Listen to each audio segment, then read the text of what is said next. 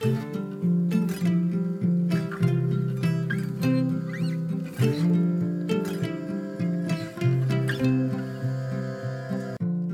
och välkommen till For Health med Anna Sparre!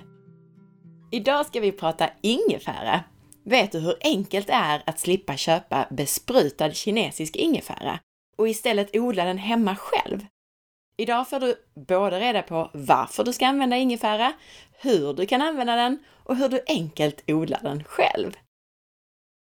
Under några veckor här mitt i sommaren så blir det lite kortare podcastavsnitt med mer konkreta tips innan det är dags att klippa ihop långa intervjuer med några tunga namn och gäster. Om du är nyfiken efter avsnittet så hittar du mer information på forhealth.se. Du kan också boka mig som föreläsare.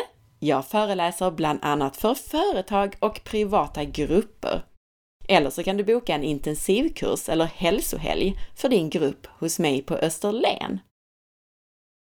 Du kan väl dela det här avsnittet med minst en vän och med en länk på Facebook som ditt sätt att både hjälpa dina vänner till en bättre hälsa och att hjälpa podden att överleva med allt sitt gratis innehåll.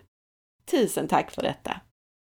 Vill också rikta ett enormt tack till alla er som på sistone lämnat era recensioner i iTunes. Mycket viktigt att du lämnar recensioner om du vill ha fler avsnitt. Och du, passa på att ligga i solstolen eller hängmattan och lyssna på gamla avsnitt som du har missat.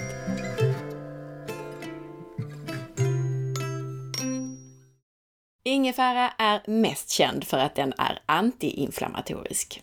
Men den är också bra för matsmältningen, liksom de flesta växter som har en bitter eller stark smak.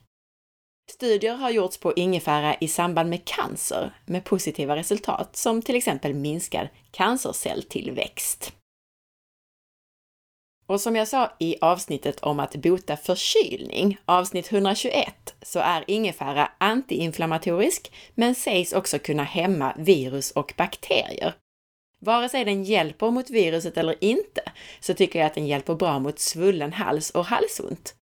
Om jag ska föreläsa och har lite halsont så brukar jag ta med mig bitar av ingefära att tugga på i pauserna. Dessutom så kan ingefära förbättra din insulinkänslighet, som jag berättade om i avsnitt 57. Till exempel så har ingefära visat sig hjälpa patienter med diabetes typ 2 att få bättre insulinkänslighet. Du kan använda ingefära i det mesta. Skiva ner den i ditt te, mixa ner i en smoothie eller ha det i en gryta till exempel. Den är ju ganska stark i sin smak, så prova dig fram och se hur mycket du tycker är gott att använda.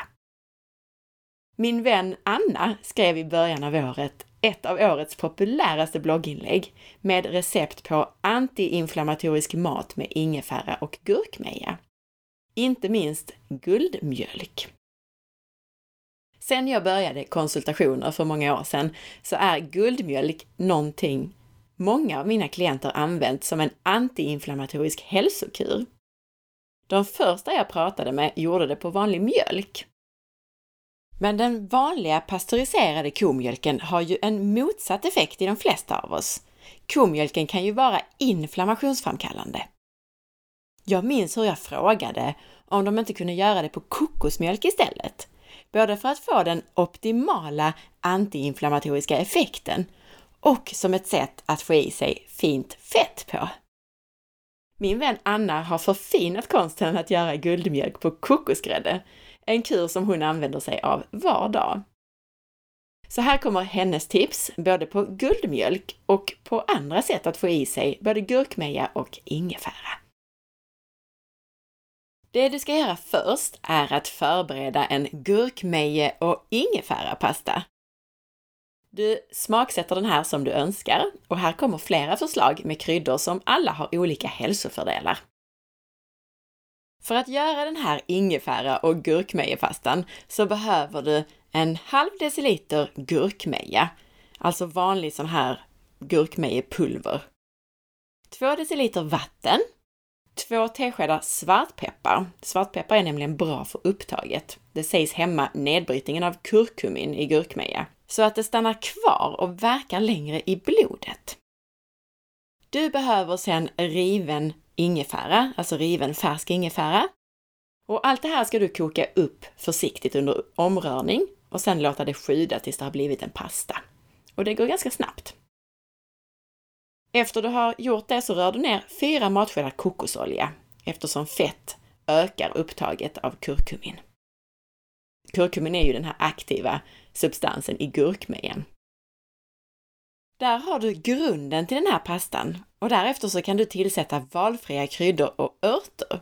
Och det är fritt fram att utesluta och laborera med mängder, men här kommer ett förslag på hur du kan göra. Ta då två teskedar äkta kanel, två teskedar kardemumma och en tesked äkta vaniljpulver. Och för bästa effekt så ska alla de här kryddorna vara av bra kvalitet och gärna ekologiska. Där har du din pasta, den här gurkmeja och ingefärapastan och den förvarar du i en glasburk i kylen och den håller där i ett par veckor. Och den räcker just i ett par veckor om man dricker en kopp guldmjölk varje dag eller kväll. Och många tycker att man sover bättre efter en kopp guldmjölk. Och dessutom så är den alltså antiinflammatorisk. Hur gör man då guldmjölk av den här pastan sen? Jo, man tar två teskedar av den här pastan. Sen tar du två deciliter kokosmjölk eller kokosgrädde. En del använder också lite honung, men jag dricker guldmjölk utan honung. Den är supergod som den är och den har ju lite söt smak av just eh, själva kokosmjölken, men också av kanel och sånt som är i den här pastan. Så du värmer alltså upp de här två deciliterna kokosmjölk och två teskedar gurkmejepasta och rör om tills det blir lagom dricktemperatur. Och känns det för mastigt att dricka två deciliter kokosmjölk så går det bra att blanda vatten och kokosmjölk så att du har totalt två deciliter vätska som du blandar ihop med två teskedar gurkmeja och ingefärapasta alltså. Tröttnar du på guldmjölk och vill variera dig så kan du också använda den här pastan som du har gjort på gurkmeja och ingefära till indiska grytor. Så gör du en gryta baserad på kokosmjölk så ha i den här pastan. Min vän Anna tipsar också om sin hälsoshot där hon juicar ingefära och färsk gurkmeja tillsammans. Hon blandar i svartpeppar och så sveper hon det. Och så äter hon gärna en fettrik måltid i anslutning för att förbättra upptaget. Anna gör också en smoothie där hon mixar ihop just gurkmeja, ingefära tillsammans med mango eller apelsin och kokosmjölk. Och den här fantastiska antiinflammatoriska ingefäran är dessutom så enkel att fixa själv.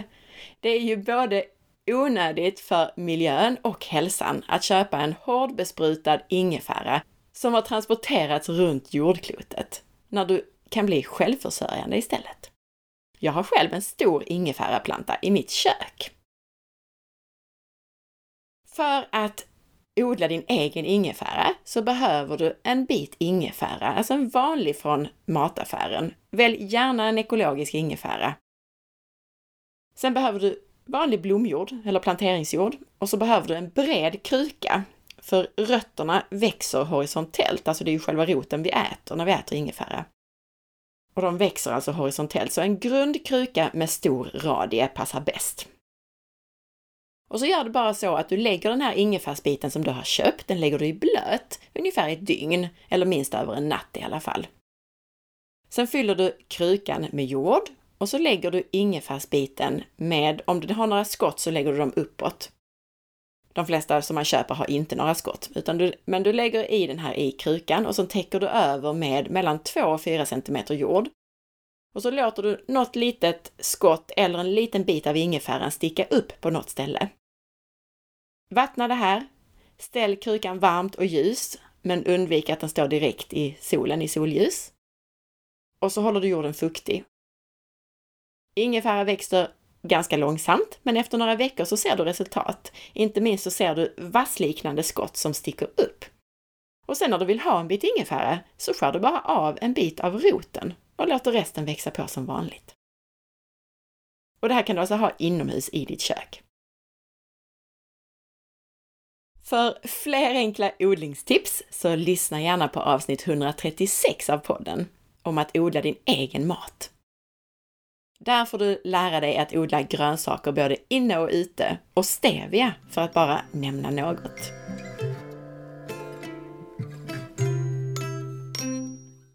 Tack för att du lyssnade! Missa inte att följa med på forhealth.se och på facebook.com forhealth.se och på Instagram via asparre. Om du vill bidra till poddens överlevnad, gör då också som Emiloy och gå in i iTunes eller din app på mobilen och lämna din recension av podcasten. Emiloy skriver i iTunes. Som rubrik är där en symbol av ett hjärta. Otroligt intressant och tydlig podcast. Vi hörs om en vecka. Ha en fantastisk sommardag. Hej då!